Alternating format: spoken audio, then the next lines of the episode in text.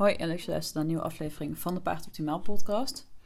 In deze aflevering wil ik het gaan hebben over een onderwerp wat heel erg uh, actueel is in deze tijd van het jaar, namelijk detoxen, dus ontgiften.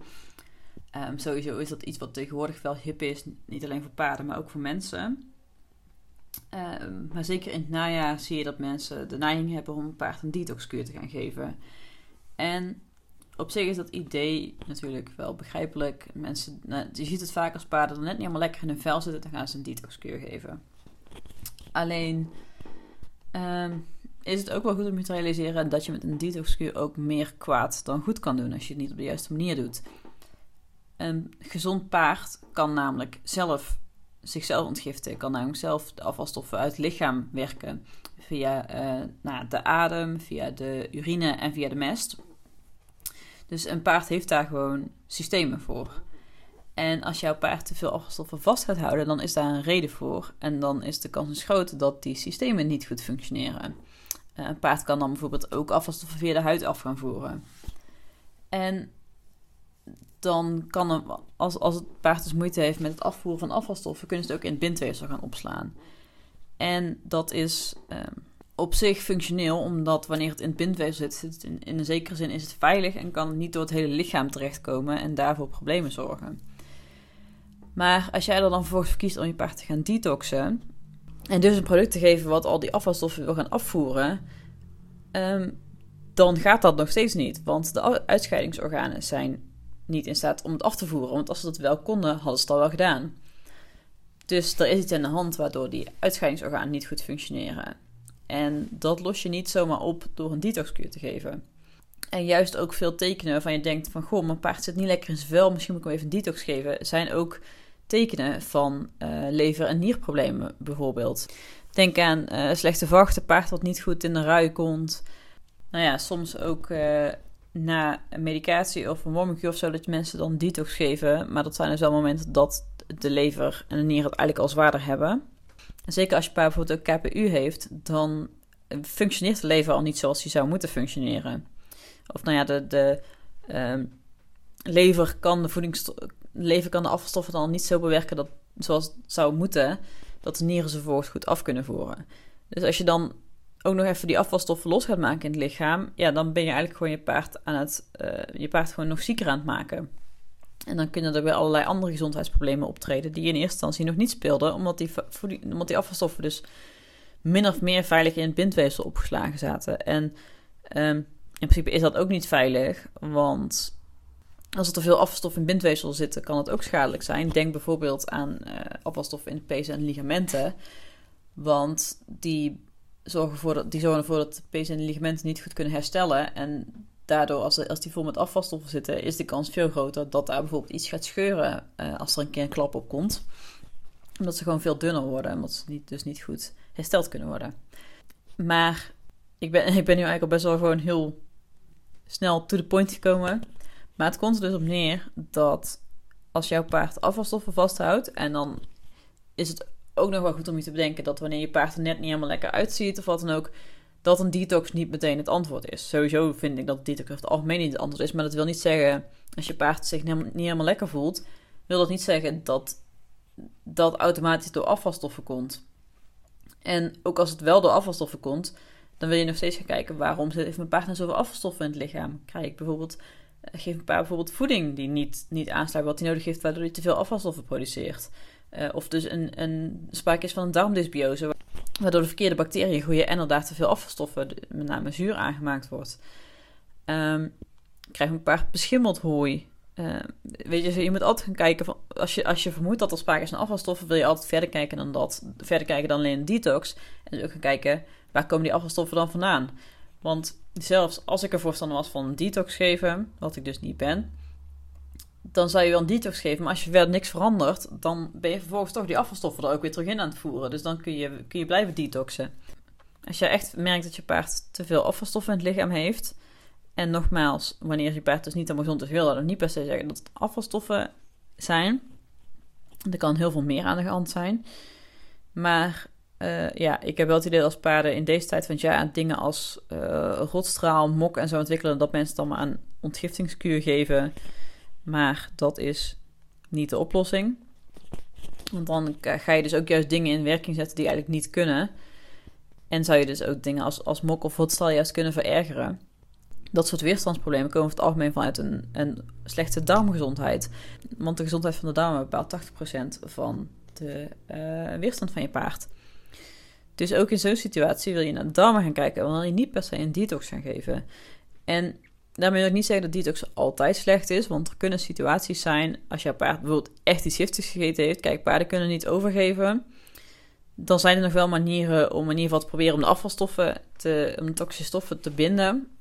Om ze op een soort van veilige manier af te voeren. Maar dat zijn wat mij betreft, en sowieso detox in het algemeen, is niet iets wat je op eigen houtje moet gaan doen. Dat is dan wel iets wat je met een therapeut wil gaan doen. En ik zeg er ook vast bij dat ik ook geen expert ben in detox. Dus doe het ook maar niet met mij. Maar ik denk wel dat we van af mogen dat we onze paarden in het najaar standaard gaan detoxen. En ja, in het wild doen paarden dat inderdaad zelf. Dus niet met een detoxkuurtje. Maar in het wild doen paarden dat zelf. Omdat in het wild er in het najaar vaak minder voedsel ter beschikking is. Dus heeft spijsvertering eh, minder druk, dus heeft de lever het minder druk en dus heeft de lever tijd om het lichaam te gaan ontgiften. En dat is waarom in het wild in het najaar vooral ontgift wordt. Onze paarden krijgen over het algemeen in het najaar gewoon voer en soms zelfs meer dan dat ze normaal gesproken zouden krijgen. Dus die, die periode dat de lever het rustiger heeft, die hebben onze paarden niet in de meeste gevallen. En dus is het niet zo dat ze per se in het najaar moeten gaan ontgiften. En als je nou echt idee hebt dat je paard te veel afvalstoffen in het lichaam heeft en dat bijvoorbeeld ook terug kan redeneren naar slechte voeding, naar medicatie, etc. En je wil gaan ontgiften, doe dat dan alsjeblieft onder begeleiding en koop niet het eerste beste detox supplement in de winkel, maar ga echt met een therapeut kijken welke producten heeft mijn paard nodig en ga zeker ook de lever en de nieren ondersteunen. Want ja, die zullen waarschijnlijk zwaar genoeg hebben gehad omdat ze die afvalstoffen nog niet af hebben gevoerd. En als je dan die afvalstoffen los gaat maken in het lichaam, dan wil je dus wel zorgen dat de lever en nieren in staat zijn om die ook daadwerkelijk af te kunnen gaan voeren. Dus wanneer, als je wil gaan detoxen, dan is de lever en nieren ondersteunen, zou daar altijd een belangrijk onderdeel van moeten zijn. En een goede therapeut is daar, is ook bewust van en houdt daar rekening mee. En daarom ben ik er dus geen voorstander van dat, mensen, dat we dit gewoon op eigen houtje gaan doen. Omdat er best wel bad bij komt kijken en je paard ook gewoon zieker kunt maken. Er zijn een hele hoop uiterlijke kenmerken die kunnen wijzen op lever- en nierproblemen. Dat zijn ook te veel om hier allemaal te gaan opnoemen. Maar um, nou ja, een hele, hele bekende in die zin is uh, jeuk en zomerexeem. Dat zijn ook reacties van de huid om afvalstoffen af te voeren. Maar ook um, wat ik al noemde, rotstraal, mok, rasp. Dat soort problemen, dat uh, duidt ook vaak. Dat kan ook duiden dat er iets niet helemaal goed loopt in de lever en de nieren. Als je paard lymfatisch wordt, is echt gewoon opzwelt van de, van de afvalstoffen in het uh, bindweefsel dingen, ook hoefbevangenheid kan hier meespelen. Dingen als obsessen of white line disease. Als je paard slecht verhaart. Uh, een opgezette nierregio. Dus de nieren liggen ja, vlak achter het zadel, zeg maar. Daar, als het daar opgezet is, dan kan het ook op nierproblemen duiden. Sowieso een slecht immuunsysteem. Um, en ook als je merkt dat je paard dat de vochthuishouding verstoord is, dat je paard heel veel plast of heel weinig plast, heel veel drinkt of heel weinig drinkt, zijn ook dingen die op nierproblemen kunnen wijzen. Um, er zijn gewoon heel veel dingen die daarin meespelen. En bij leverproblemen, uh, ook goed om te noemen, zijn bijvoorbeeld de leverstrepen. En dan zie je dus op de zijkant van je paard, zie je ja, meestal horizontaal, nee, verticaal strepen.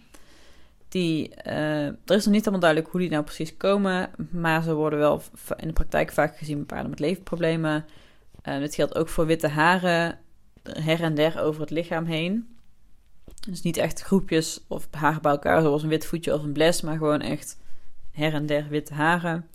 Feminine hairs zijn er ook nog een voorbeeld van. Dus als je gewoon van die hele lange haren hebt en dan niet, niet de winterwacht, maar gewoon echt nog langer.